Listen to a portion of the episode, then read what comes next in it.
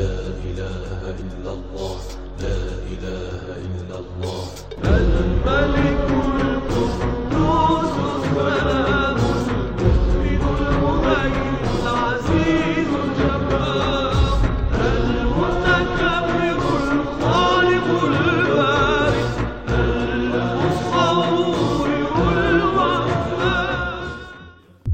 نحن معكم بإذن الله عز وجل نبين أسرار وخواص وبركات ومعاني اسم تلو اسم من أسماء الله عز وجل. فهذا من ثبت نبت فيه فوائد كبيرة. والآن نتكلم بإذن الله على اسم الله الفتاح. من أسماء الله عز وجل الحسنى الفتاح. وهذا الاسم من خواصه كما يذكر المناوي وغيره من العلماء تيسير الأمور بإذن الله وتنوير القلوب والتمكين من أسباب الفتح. تسمعون أحيانا يدعى بهذا الدعاء اللهم افتح علينا فتوح العارفين. فتوح العارفين يعني العارفين بالله. فتح الله عليهم بمعرفته ومعرفة الله تكون بمعرفة صفاته.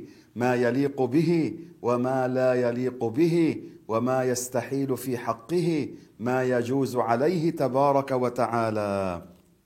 لذلك هؤلاء العارفون الراسخون في العلم إذا فتح الله على واحد منا بهذا أراد به خيرا عظيما. من أوتي العلم والعمل به بإخلاص هذا أوتي حظا كبيرا وهذه نعمة عظيمة حتى الحيتان في جوف البحر تصلي يعني تدعو تصلي على معلم الناس الخير. فإذا أنت واظبت على هذا الاسم الفتاح أو تقول يا فتاح يا فتاح. قال العلماء من قرأه إثر صلاة الفجر يعني بعد صلاة الفجر إحدى وسبعين مرة ويده على صدره يعني يضع يده هكذا على صدره ويقرأ. طهر الله قلبه بإذنه عز وجل وتنور سره وتيسر أمره. وفيه أيضا يقول العلماء تيسير الرزق بإذن الله تعالى يعني واظبوا عليه فيه للفتح والتيسير. وفيه كذلك أيضا لتنوير القلب وهذا القلب أمير الجوارح. إذا تنور القلب سرى هذا النور على سائر الجوارح. قال فيه النبي عليه الصلاة والسلام ألا وإن في الجسد مضغة. إذا صلحت صلح الجسد كله. وإذا فسدت فسد الجسد كله. ألا وهو القلب. فالفتاح من أسماء الله هو الذي يفتح على خلقه من غلق عليهم من أمورهم. ما معناه؟ ييسر لهم الأشياء التي هي متعسرة. وهذا فضل من الله وكرم من الله كما قال الله تعالى في وصف نفسه وهو الفتاح العليم. فإذا واحد مثلا قال في لغة العرب فتحت الباب يعني كان هذا الباب مغلقا فصار مفتوحا واتسع حتى سمي بعد ذلك الحاكم فاتحا. لماذا؟ لأنه يفتح ربنا تعالى على يديه الخير وما كان من أشياء مستغلقة بين الخصمين فيحكم بينهم. فالله تعالى فتح بين الحق والباطل. كيف يعني؟ بين ووضح ما هو الحق وأدحض ما هو الباطل كما قال العلماء يقوله الزجاج اللغوي رحمه الله. ويقول بعض العلماء الله الفتاح خالق الفتح والنصر كما فتح على نبينا عليه الصلاة والسلام وصحابة نبينا الكرام عليهم السلام بمكة فتحوها دخلوها فاتحين وكان بعدها النصر ودخلت القبائل في دين الله أفواجا. فالله الفتاح يحكم ويفتح من غلق بين عباده. والله تعالى يفتح أبواب الرزق والرحمة للعباد ويفتح المنغلق عليهم من أمورهم والأسباب. لذلك ثلاثة كانوا يا أحباب ممن قبلنا آواهم المطر إلى كهف إلى غار. وهم في الداخل سقطت صخرة وسدت فم الغار. هذا يعني سد عليهم ولا يخرجون. فصار كل واحد يتوسل بصالح عمله. يذكر أحد أعماله الصالحة التي كان تقرب بها إلى الله فانفتحت قليلا. الثاني ذكر وتوسل بها فانفتح لكن لا يستطيعون الخروج. الثالث حين دعا انفتحت الصخرة وخرجوا. هذا معنى الفتاح. يفتح الله تعالى على عباده من غلق وقال الله عز وجل إن تستفتحوا فقد جاءكم الفتح. يعني إن تستنصروا تطلبوا من الله النصرة فقد جاءكم النصر. هذا التفسير يبين أن من معاني الفتاح أنه ينصر ويفتح على عباده أي من شاء منهم. وهنا انتبهوا لا تعمل الاستخارة بفتح القرآن هكذا. ويعد سبع صفحات وسبع أسطر وسبعة كلمات. ثم بعد ذلك إذا جاءت كلمة طيبة كاسم الله أو النبي من الأنبياء أو الجنة فيقول لك هذا افعل. إذا جاءت كلمة خبيثة بزعمهم يعني عن الشيطان وجهنم ونحو ذلك يقولون لا تفعل. هذا لا يقال يا أحباب ولا يفعل. ما هيك الاستخارة اللي علمها الرسول عليه الصلاة والسلام؟ ليست هكذا الاستخارة وإنما بصلاة ركعتين ودعاء. فإذا هذا الذي يستفتح بزعمه بالقرآن هذا ليس من عادات المسلمين. هذا لا يجوز هذا من الكبائر. حرام.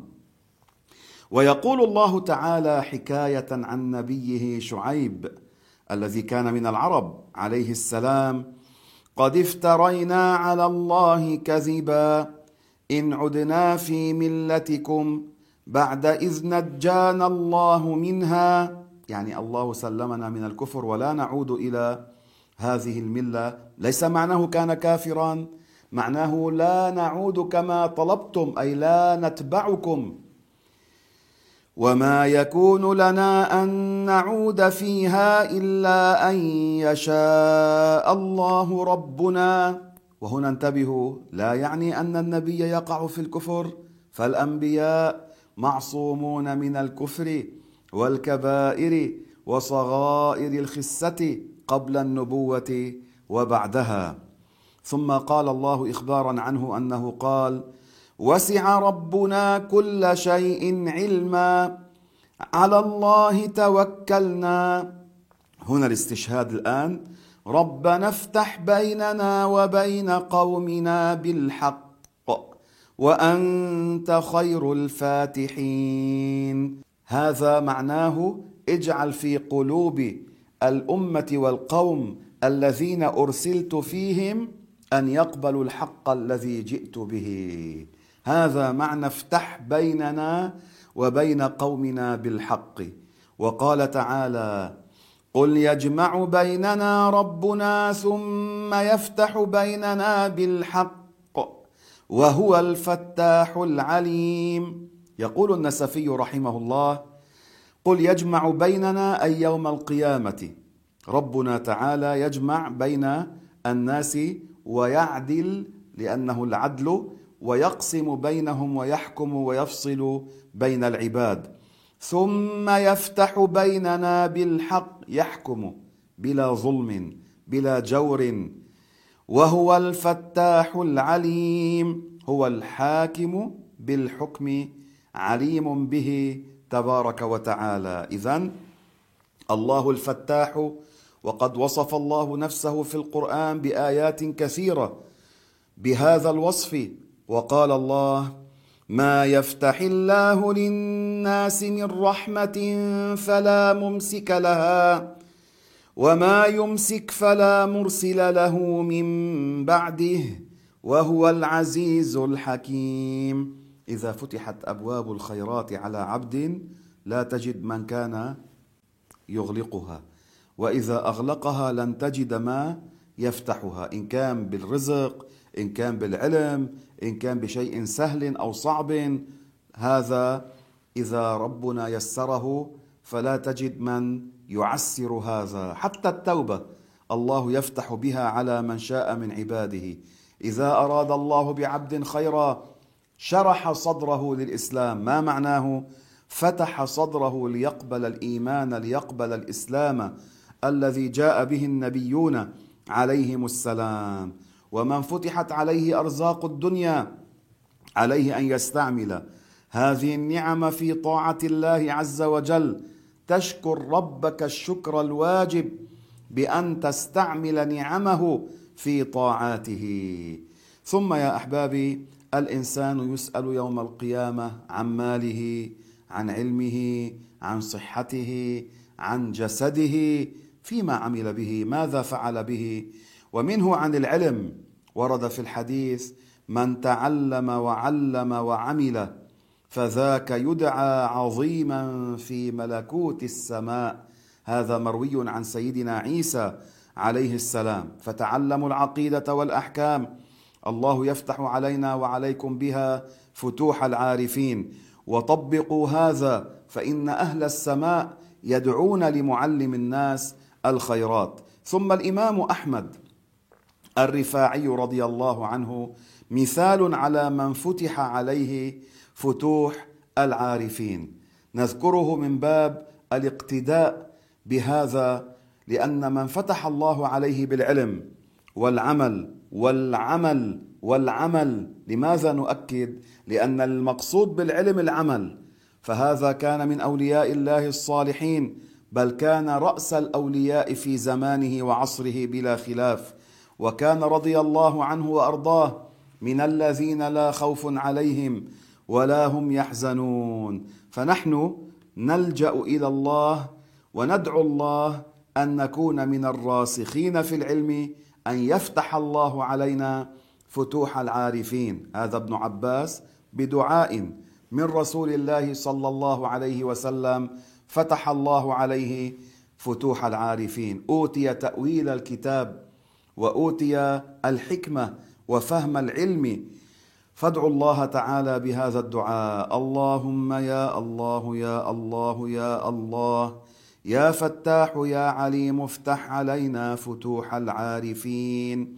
وأسألك يا ربنا أن تنزل على قلوبنا كل خير عميم وأن تجري الخير على ألسنتنا وعلى قلوبنا. إنك ولي ذلك إنك القادر عليه يا فتاح يا الله. وآخر دعوانا أن الحمد لله رب العالمين. لا إله إلا الله لا إله إلا الله.